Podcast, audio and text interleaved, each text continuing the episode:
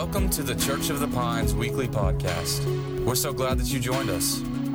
If you have any questions about our church, how you can get involved, or how you can support, please visit churchofthepines.com. We hope that you enjoy this week's message. What a great morning already. Aren't you glad you came to church? Almost, I could have just said, Matthew, you could have just preached, buddy. You could have just taken the whole service. I am, I am fired up and I am ready to go. So good to be together this morning. It is. I put, put on Facebook today. It is my favorite day of the week in my favorite place with my favorite people. And there's nothing brings me more joy and pleasure every week than to be in church worshiping with you guys. So awesome. Hey, I uh, want to let you know about something coming up before we jump into the message uh, today. If you were here last year, back in September, we did a series we called At the Movies. How many of you were here last year for At the Movies? Some of you were. That's, that's how quick this church is growing and moving, and people are coming and going. So this year, we're, we didn't do it in September. We're going to do it starting November 10th, four weeks. Uh, starting November 10th, we're calling it At the Movies. And this, uh, it's where we take modern movies and we use them to tell the gospel story and to talk about the kingdom of God. Jesus modeled this because so much of his ministry, he, he used parables. And parables are just stories to talk about the kingdom and give examples of the kingdom and what the, and what the gospel is all about. And really, movies are just modern day parables. So we're going to take modern movies that you've seen or heard of, and we're going to use them to tell the gospel story. So, two things. One, you want to bring somebody with you. If you've been waiting, to invite somebody to church, this is going to be that time during those four weeks that you want to bring somebody with you. then on top of that, every week, if, if you've been coming to this church and you've been you thought that you were coming and going to be able to have popcorn in church at the same time, you've been really disappointed but this is your time. So every week during that, we'll, we'll have popcorn available. We'll have canned drinks available. So we'll, we'll, we'll, talk about the, we'll talk about the kingdom of God. We'll encourage you with the gospel message through modern movies, and then we'll have popcorn and Coke together every week. So go ahead and mark your calendars and plan to be a part of that November 10th, four weeks leading into December. And then, guys, it's like the holidays. Can you believe it? Mom, dads are like, What, really? Moms are like, I know. I've been looking at it for like months now. Christmas is coming. So we're so excited about Christmas here as well. And just, we're here. We're in the fall and it's in that season. God's been so good. And uh, really excited to share with you a message today, a series that I'm just going to call Naturally Supernatural. I think God's called us to be and do some things in our world and in our generation. And I want to encourage you on how we can show the world a supernatural God. So let me pray for you and we'll jump into the message. Lord, we love you so much. And uh, we've just had such a great time already of worship. Lord, we thank you for your presence, that you gave us a promise that where two or three of you are gathered together in the name of Jesus, that you are there. So we thank you that just as we sang, you are here and you are moving. And I thank you that you've already began to stir some things in people's hearts. You've already begun to show people some things, Lord, that you've already moved. And you have prepared our hearts today to hear your word and let it change us. Lord, we thank you for your word and the power that it has to change and mold our lives. And as we get ready to open that word, we pray together like we do every week. Pray with me, dear Lord, those things I don't know, teach me. Those things that I haven't seen, show me. And those things that you have prepared for me, prepare me. In Jesus' name, amen. Hey, look at your neighbor real quick and say, I'm glad you came to church today. And then you can tell that person right back, yep, and you're in the right spot. You are in the right spot today. You know, we were a part of, uh, most of you either heard of or participated in this past weekend City Fest. How many of you were a part of City Fest over the past couple weeks? So awesome. You know, East Texas has never seen anything like that before. Matter of fact, we have two of our uh, two of our worship team were on the staff, and we got Hugo's here today. He was on the staff too. We're on the staff for City Fest, and just such a vital part of that. Really, nothing that East Texas has ever seen before they had 11 days worth of programming and events. And over those 11 days, they presented the gospel to over 35,000 people in 11 days. That is incredible. Then they had uh, several events. They had Hispanic events. They had uh, rodeos. They had the big two days downtown that a lot of you heard, heard about. There were over 20,000 people were on the square downtown over those two days to celebrate together, to worship together, to, to share and hear the gospel story again. And over that time, over 1,400 people made decisions to follow Jesus and make the, made a decision to give their hearts to Christ. I think that's worth celebrating. It was incredible. And just so thankful for the Luis Palau Association that brought that here in, in, our, in our city, the, the businessmen and, and church leaders in our community that just felt like now is the time, this is the season to create and bring a catalytic event to our city. And when you look throughout history, and especially church history, that's what you see God does. That God, from the very beginning, God uses catalytic people and catalytic events to bring about attention and bring about change and bring about movements towards Him in, in, his, in the world and towards His kingdom. You see that from the very beginning, God had to shift some things up, so He sent a guy like Noah. Noah made the ark, and God flooded the world. After that, He brought a man like Abraham, who Abraham was, He said, You're going to be the father of many nations, even when he didn't have one kid. And Abraham believed that and went and did what God told him to do, which birthed the nation of Israel, who uh, found itself in bondage and in slavery. So God raised up a guy like Moses, and Moses came and led the people out of slavery with, with signs, miracles, and wonders, just in, in supernatural ways, parted the Red Sea and, and did so many things in the city to get the people to be let go of Egypt from Egypt. You have Moses, and you have kings like David, King David, who led so boldly, so strongly, so supernaturally connected to God that God used the kingdom of Israel just in uncommon and supernatural ways. You have women like Esther, who, were, who was placed in a, in a foreign country to save and to bring God's kingdom and God's best to a people who were in bondage and in slavery and in captivity. And really that's the kind of that's the model that you see over and over again is that people find themselves in bondage and they find themselves in slavery and God raises up leaders and God raises up seasons and God raises up catalytic events to lead his people out. Fast forward, you see Jesus comes on the scene and when Jesus comes on the scene the nation of Israel that had been birthed from Abraham was being oppressed by, by one, its own people. It was being oppressed by its own religious leaders. But then, in addition to that, it was being oppressed by the Roman government, who at the time was the largest government in the world, and they were just going around dominating and taking ownership of the whole world. Jesus comes, he gets 12 disciples, he trains them up, walks with them, invests in them, shows, shows them what it's like for God and man to walk one hand in hand, both naturally and supernaturally, to bring change to a city, bring change to a nation, to bring change to a whole people group. Jesus dies on the cross. He's raised to life after the third day. If, you've been, if you're a Christ follower, you know the story. If you're not, then you don't, and we're going to tell you more about that story today. But he comes and, and, he, and Jesus dies. He's raised to life again. He comes and he takes these 12 disciples and he says, Hey, this isn't through. We're not done yet. What I have showed you, I want you to go and show to the rest of the world. Because they were still under Roman oppression. They were still under, under religious Jewish oppression at the time. And Jesus said, Hey, we still got to make a difference. This message still has to go out. And I think that it's so amazing. And it is nothing less than a miracle that this message that we're talking about in Tyler, Texas, come on, Tyler, right?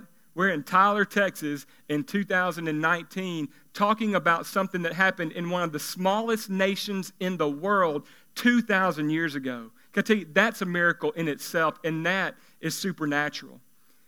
And God did, and Jesus did some things in his generation and his age and set a temperature and showed us what it looked like for natural people to walk in some very supernatural things. And it, doesn't take much to look around this world and to see that there is some, I'm not, and I'm not talking about our nation, I'm not talking about any one nation. I am not getting political, so do not misunderstand me at all. But in the world Jesus lived in, all the pagan rituals that were going on, all the pagan worship that was going on, all the idol worship and all that that was happening, they were standing against that, and God was trying to show some people a different way. And I'm here to tell you today that the more that our world begins to look like Rome, the more the church needs to start to look like the book of Acts. That there needs to see a different, we don't need to just be different. We don't need to just be different. People shouldn't just see something different in us. We should be difference makers. We don't need to just be different. We need to be differentiators. If that's even a word, I don't even know if that's how you say that, but look at your neighbor and say, You need to be a differentiator. That's a big word. Might take you a couple times. And I, and I, and I feel like I feel like that there's, in, in a lot of ways, the church, many of us, just the church at large. I've got a book on my desk I'm about to crack open talking about the history of the church. That, that, that God started this thing and Jesus came, and the, the church that we're a part of now was birthed out of these 12 disciples who took what Jesus said took what Jesus did, took what Jesus modeled, took what Jesus imparted into them, and they took that and they lived that out, and they be- continued to make a difference in the world around them. The Bible says signs, miracles, and wonders were confirmed by everything that they were doing. And I think we've gotten to a point, what the disciples did that, and then as they kind of died off, uh, the world kind of went and the religious leaders kind of went back to the thing that they were doing before that, that it was just priests and it was just kings and it was just prophets, that it was just a very select few men and women who were actually hearing from God. And everybody started, instead of the church being the church and affecting the world, the church started going back and looking to a man and looking to this person and looking, for, looking to that person. And that's never what God intended. God never intended for your spiritual life to revolve around what I say and do. He intended the church to continue to revolve around what Jesus taught, what Jesus said, and what Jesus did. And he knew and he knows that if we will read that, if we will put that into practice and we will walk that out, the world will be different. And we will see his kingdom on earth as it is in heaven. The church is messy. The early church was messy. We start talking about we use the word supernatural, and everybody gets like, ooh, right? Did you tingle? Did you feel something? We start talking about supernatural. Hey, guys, let me tell you something. Our world is hungry for the supernatural. I'm thankful we're in a movie theater every week. And every week I walk these halls praying and setting up, and it doesn't, you don't have to go outside this movie theater looking at the posters on the walls for all the movies that they're showing in here to realize that our world is hungry for the supernatural. And if the church doesn't rise up like the book of Acts, if we allow the world, the, what, what the church doesn't do, the enemy will step in and provide. And if they can't find supernatural and they're not seeing any super on our natural in this church, then the world's going to run to find it wherever they can find it. And the enemy's going to provide it for them. It's out there for them to find. But God wants to use us naturally, supernatural. What does that mean? What does that mean? I think we see in the Bible that God uses men and women over and over and over again, very ordinary people in a lot of ways. How many of you are in here today and say you are ordinary? I'm king of that. Yeah, some of you, my people. Yeah. What are the rest of you? Okay. Again, the Bible says you are fearfully and wonderfully made. You are God's masterpiece. But so much of the time, in, in comparison to what we read in the Bible, we feel very ordinary. But when we read the Bible, what we find out is that God used very ordinary people to do very extraordinary things. And today I just want to unpack for you a little bit of how they implemented that and how they walked that out. I, I came up in a church where when we started talking about supernatural things, if it was going to be supernatural, then you had to check a bunch of stuff at the door, right? You had to check common sense at the door. You had to check wisdom at the door. I mean, you had to check your watch at the door because you didn't know how long you were going to be there. I mean, it just when we start talking about supernatural, we just start start thinking that some things are just going to, you know, be a little wild and be a little crazy. Can I tell you, it's going to be different, but it doesn't mean it has to be any of that other stuff. God wants to use us natural people in a very supernatural way. And we see that in the book of we see that in the Bible. The apostle Paul established a lot of these new churches along the way, and most of our New Testament is comprised of letters that Paul who founded these churches wrote back to the churches that he founded. So they're writing him letters talking about what's going on in the church. He's writing them letters telling them how to fix it or what they could be doing or how to change some things or, hey, I'm going to come see you. I can't wait to see you. They just wrote a lot of letters back and forth. That's what we have in our New Testament. One of those churches was the church in Corinth. And Paul, it was a wild church. It Corinth was a big city, it was a port city. It had people come into it from all over the world sailors and traders, and people coming by boat, people coming by land, people coming by all kinds of ways.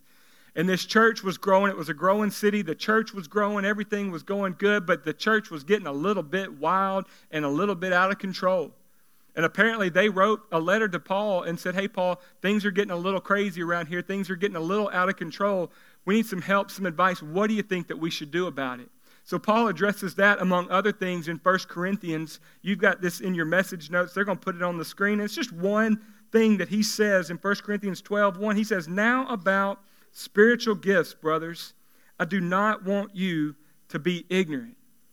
Love that. Paul doesn't want them to be ignorant about something that God wants them to have and something that God wants them to do. Some translations say uh, gifts of the Spirit, gifts given by the Spirit.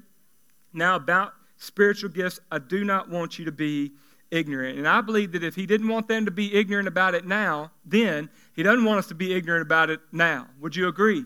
He wants us to know. Matter of fact, that is not the only place that the Bible talks about gifts. He, he made that statement. I don't want you to be ignorant about spiritual gifts. And then he wrote, I, I checked it today, he wrote 1,800 words to follow up that statement. That's some kind of paper, isn't it, school people? 1,800 words. He wrote an 1,800 word essay to support that statement that he made. You find that in 1 Corinthians 12, 13, and 14. I encourage you as homework to go back and read through that, and you can see what he's talking about. But he told them, I don't want you to be ignorant, and this is how you can operate in these things. It was just a complete, absolute mess going on at the time. I've been involved in some things like that before. Kind of when I was reading that and thinking about the mess that the church was in at the time, I, I was in band and share, share one of my stories. I was in band and choir growing up. Any band people, music people, choir people, yeah, we, we did that. And I was in Mississippi and we took a lot of trips. I always got to go to Six Flags just about every year from seventh grade to through 10th grade when I was in Mississippi. We ended up either through band or choir going to Six Flags.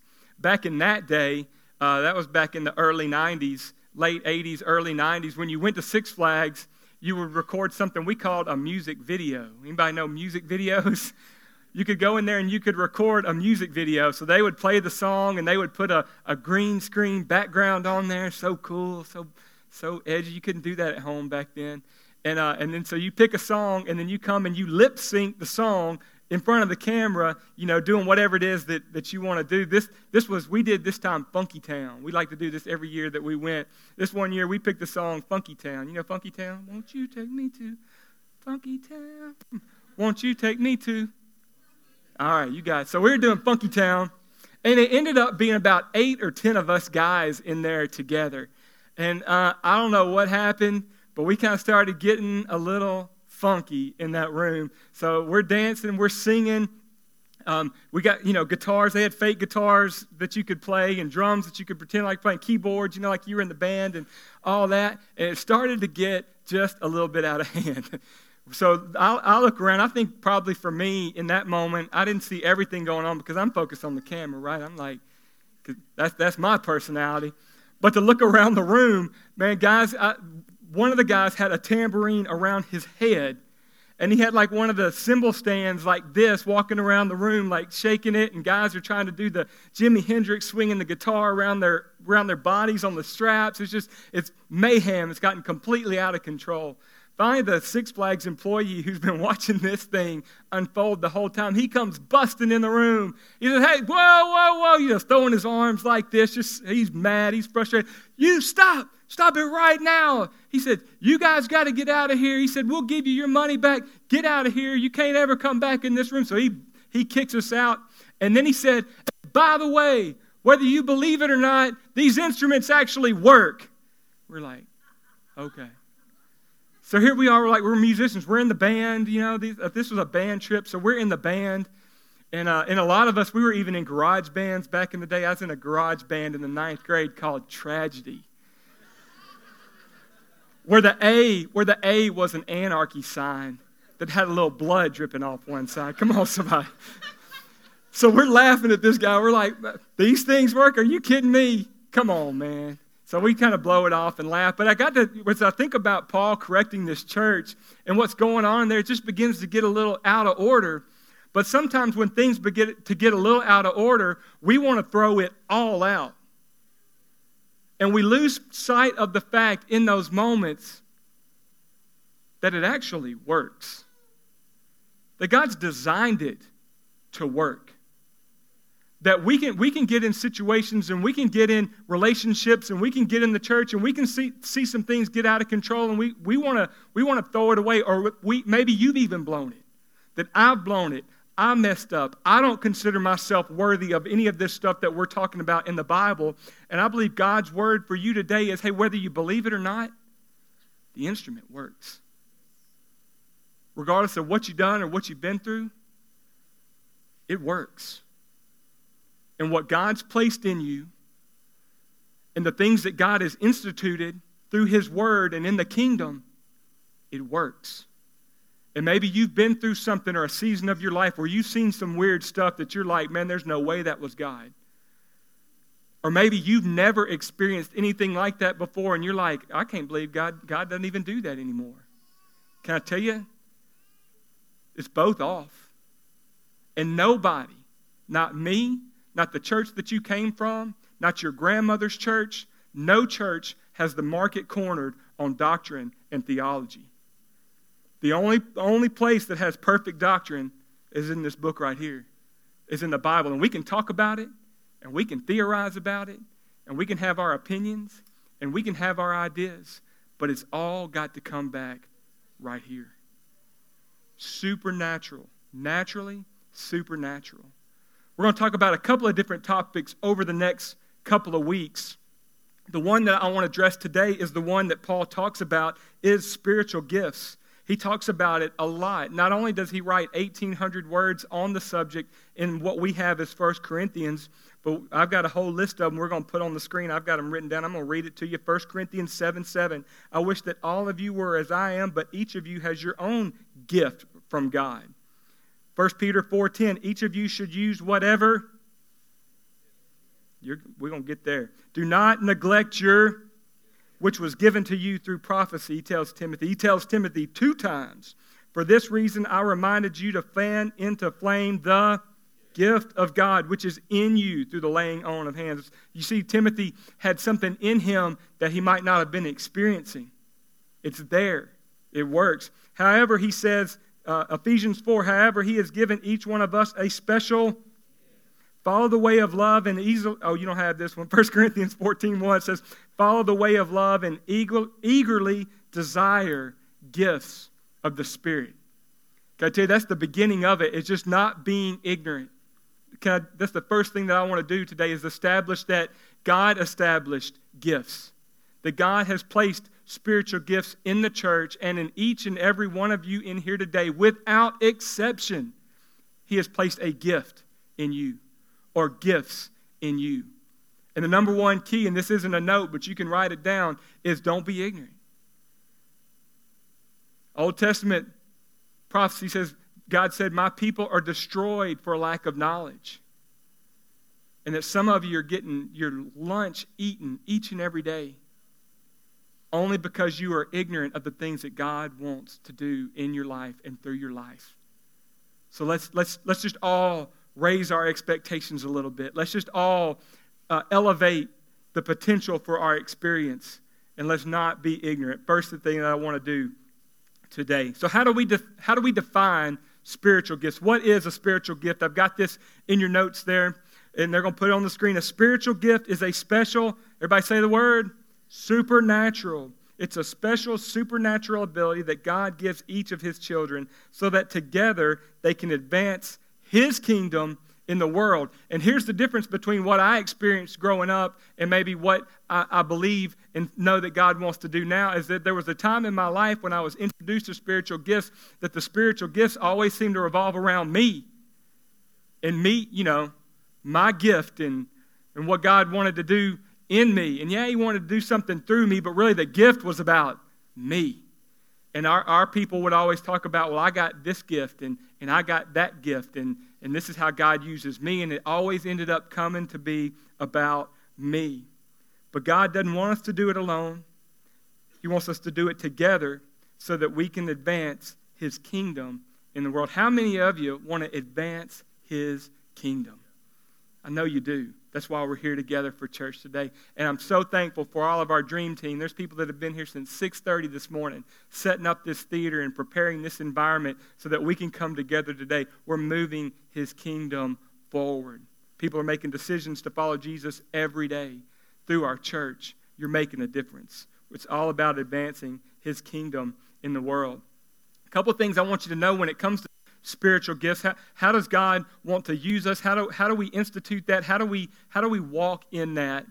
Um, one thing, and I already said this, but it seems like uh, a lot of people would have to, if we're going to operate in the supernatural or in spiritual gifts, that we got to just check common sense at the door. But God's smarter than that. God's not asking you to completely check everything at the door. God is supernatural, right? Like God, God has no beginning, He has no end.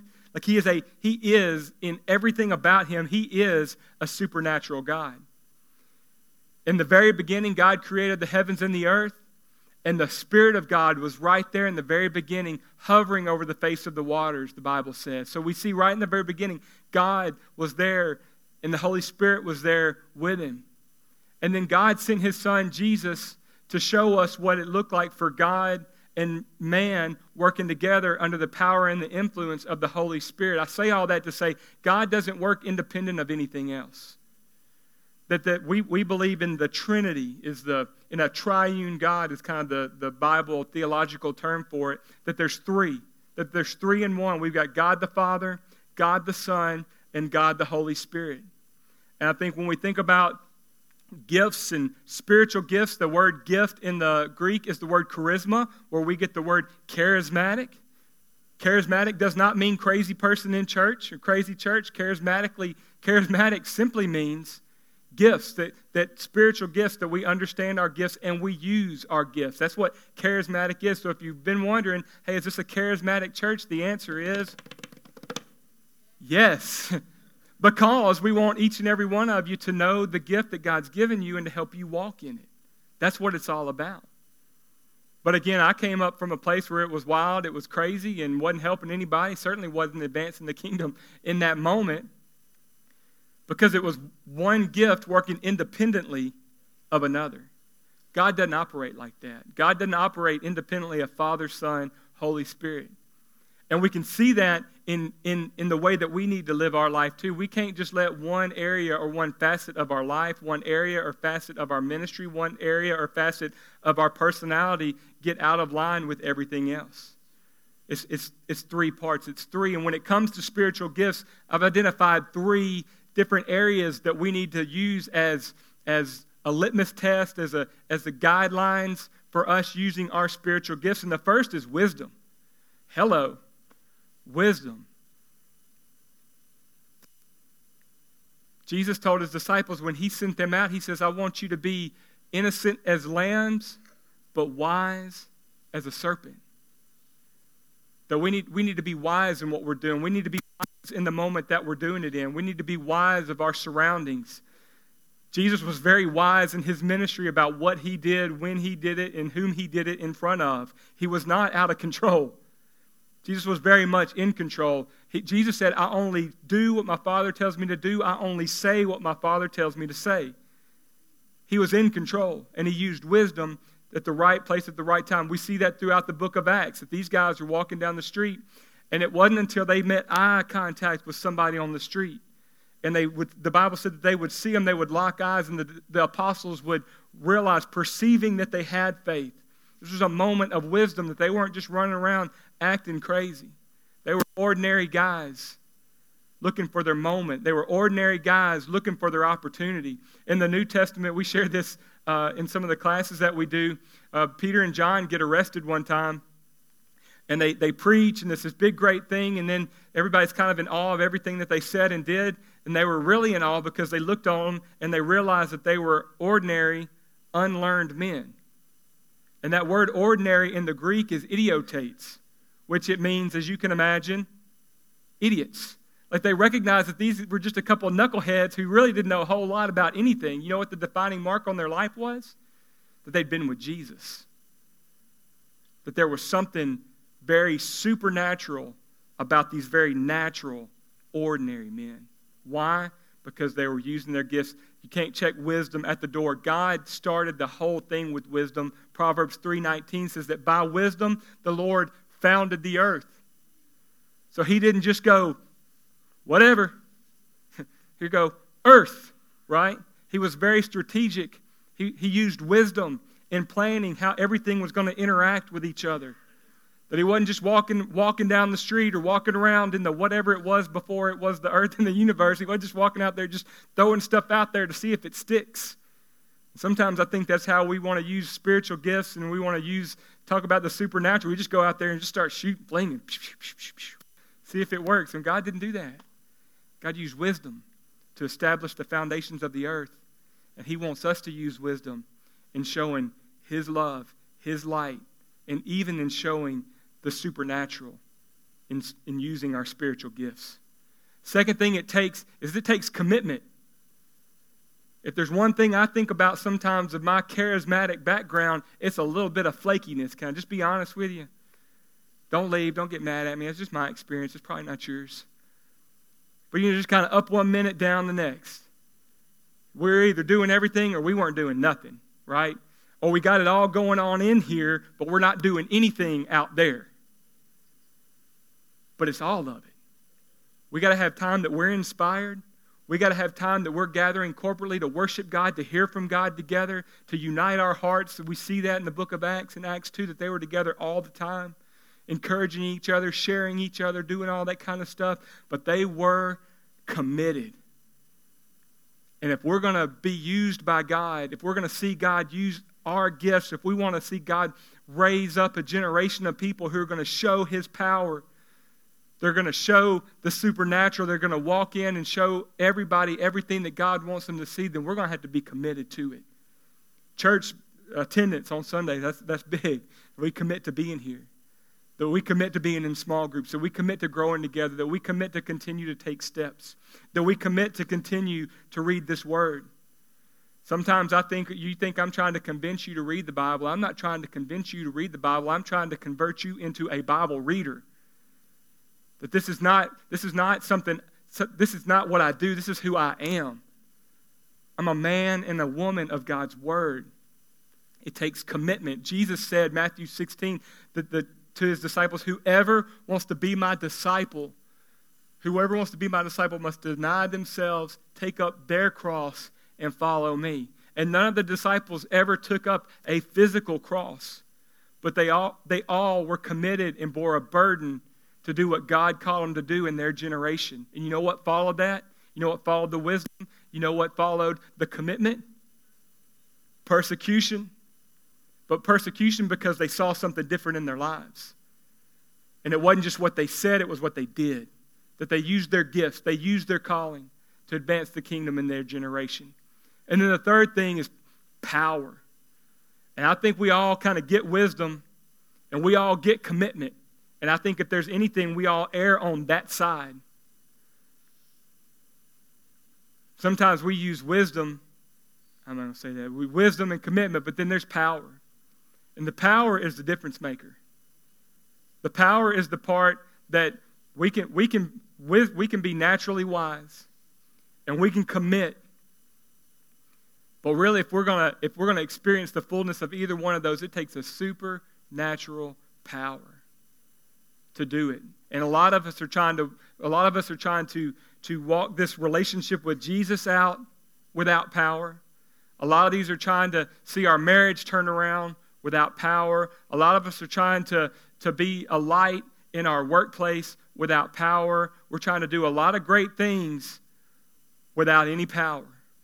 And the very first thing that Jesus told his disciples before he went out, and I kind of chopped this up. You can go back and read all four verses at the same time, but out of Acts chapter 1, Jesus told his disciples, last thing he told them, he said, Wait for the gift my Father promised, which you have heard me speak about. Matthew was talking about waiting. Wait patiently, but you will receive power when the Holy Spirit comes on you, and you will be my witnesses and a lot of people are trying to be witnesses for Jesus without any of his power. And my encouragement for you today is to get on your knees and say, Lord, I've been trying to do this in my own strength. I've been trying to do this on my own. I thank you for the very natural gifts. I thank you for the talents that you've given me. But I'm asking you today to take this very ordinary gifting, this very ordinary power, and put your extraordinary on it so that I can be used by you, not just in a natural way, but in a supernatural way. Or that when I go out, I don't want them to see me, I want them to see you. That when I go out, I don't want to say what I got to say, I want them to hear what you got to say. That like Jesus, I don't just I, I don't just say what I want to, I say what you tell me to say. That I don't just do whatever I think's the right thing to do. I want to do what you want me to do. Less of me and more of you. You follow you following me? That it needs to be less of me and more of you. I just don't want the natural, I want the supernatural. I don't want to be an ordinary Christian, I want to be extraordinary it works. The gift is designed to work. We have to be instruments ready to be used. We walk it out in wisdom, we walk it out with commitment, and we walk it out in power. Just bow your head and close your eyes for a second, and then I'm going to finish this message. Just ask God right now. Say, Lord, I want your power. I think you, you've shown us in your word that we don't need to walk this relationship out without the power of the Holy Spirit. So forgive me. Maybe you need to say something like, Forgive me for minimizing the power of the Holy Spirit in my life. Today, Holy Spirit, I receive you. Fill me up. Help me to walk in your power to bring your glory. In Jesus' name. So we start by praying a prayer and be open to it. But then there's some things that we can do. Number one thing that we can do. Well, sometimes, let me show you this picture. Does this picture work? Yeah, I didn't even try. Sometimes we feel like maybe this, this is you.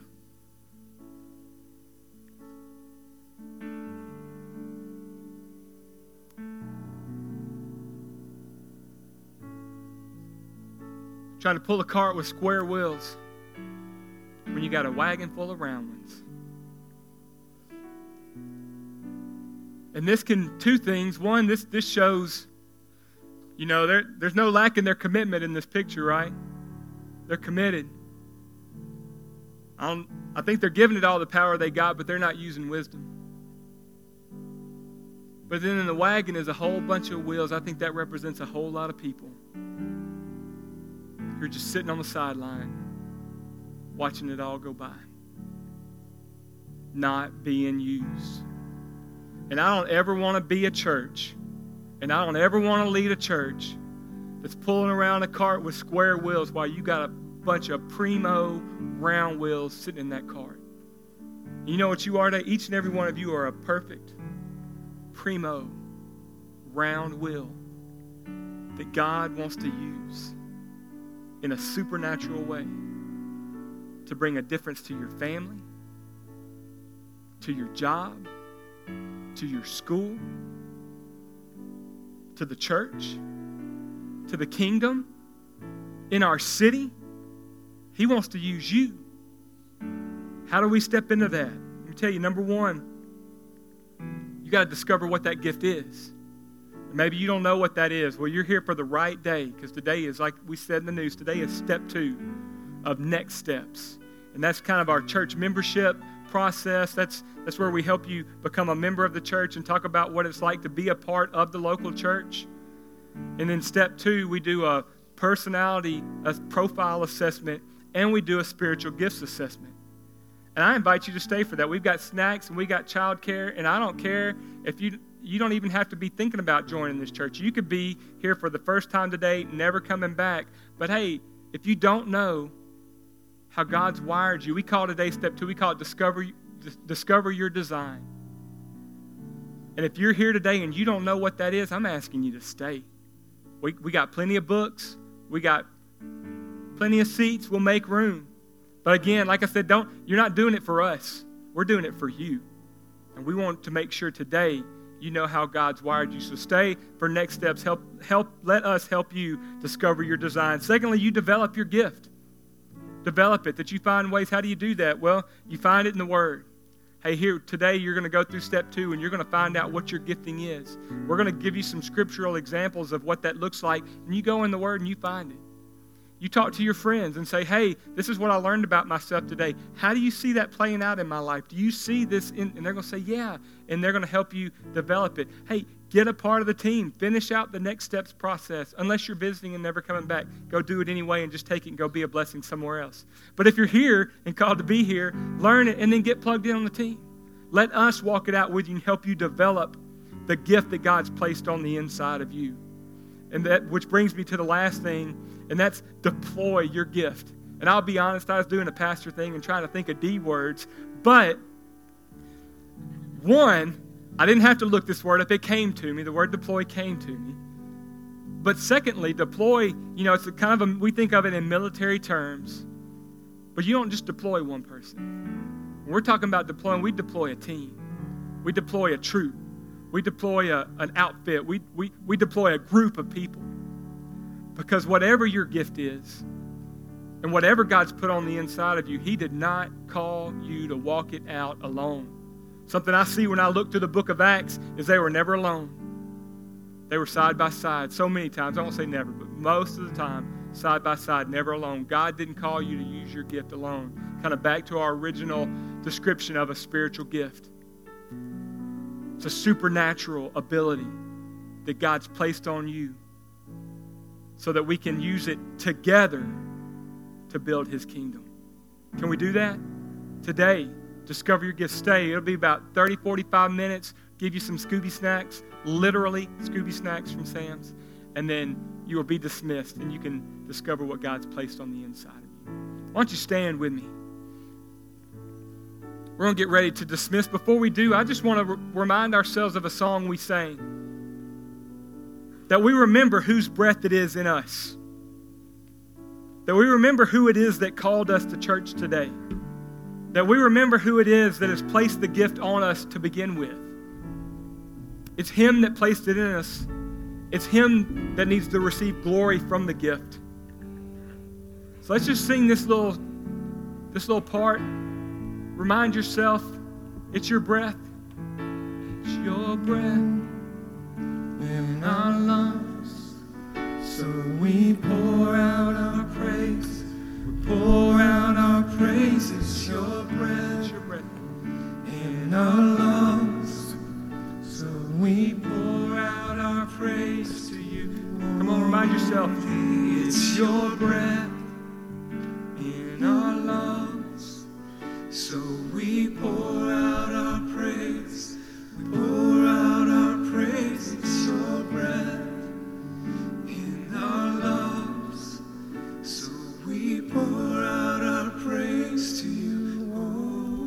Greatest ways that you can praise and bring glory to God is by doing something with what He's placed in you. Two biggest questions that we're going to be asked when we get to heaven is number one, what did you do with, with the relationship that I offered you through Jesus? And the next thing is, what did you do with the gift and the calling that I placed on your life? We've talked about the second, but I just want to take one, take a minute, and I want to talk about that first question. Because the greatest gift that you can ever receive and respond to in your life, and none of this other stuff even matters, if you haven't received the gift of God of eternal life. We talked about Jesus. We talked about that he came to the earth. He modeled what it looked like for God and man to walk hand in hand in a supernatural way on the earth. Lived a sinless, perfect life because that's what, that's what the sacrifices in that time required. They required a sinless, perfect lamb. Jesus lived a sinless, perfect life and willingly gave up his life, shed his blood, so that our sins could be washed clean and that we could stand today before a righteous and holy God. You got to know that if you haven't received Jesus and you haven't received that gift of eternal life, that because of the sin and because of the this jacked up world that we lived in, the way that it's all gone, it's all gone south. And because of that, whether you know it or not, if you haven't received Jesus as Lord, your Lord and Savior, you're standing here today with no direct access. But when you accept that gift, you open that gift today. God's, God's laid that gift out. And the opportunity to reply to that is just for you to open that gift and say, Today, I receive the sacrifice that Jesus gave to me. And then in a moment, you can be standing from, from darkness, separated from God, in the perfect, right standing, right relationship with God. I want that for you today so that you can do some of the things that we talked about. So every head bowed, every eye closed. I'm going to count to three, and that's you. And today you need to receive the gift of eternal life through believing in, accepting Jesus Christ. I want you to lift your hand. On three. One, two, three. Anybody in here? Awesome. Awesome, awesome, awesome. Well, why don't you pray this prayer together out loud when we say, Dear Heavenly Father, I thank you for Jesus. And today, I receive the gift of salvation. I know there's nothing I could do to earn it. Today I receive it. Lord, I thank you that there's nothing I can do to keep it. I love you. It's a free gift. I receive it today. Thank you for saving me. Thank you for relationship today. I want to follow you. Lead me and guide me into everything you've called me to do. In Jesus' name, amen. Hey, come on, church, let's celebrate. Change life today.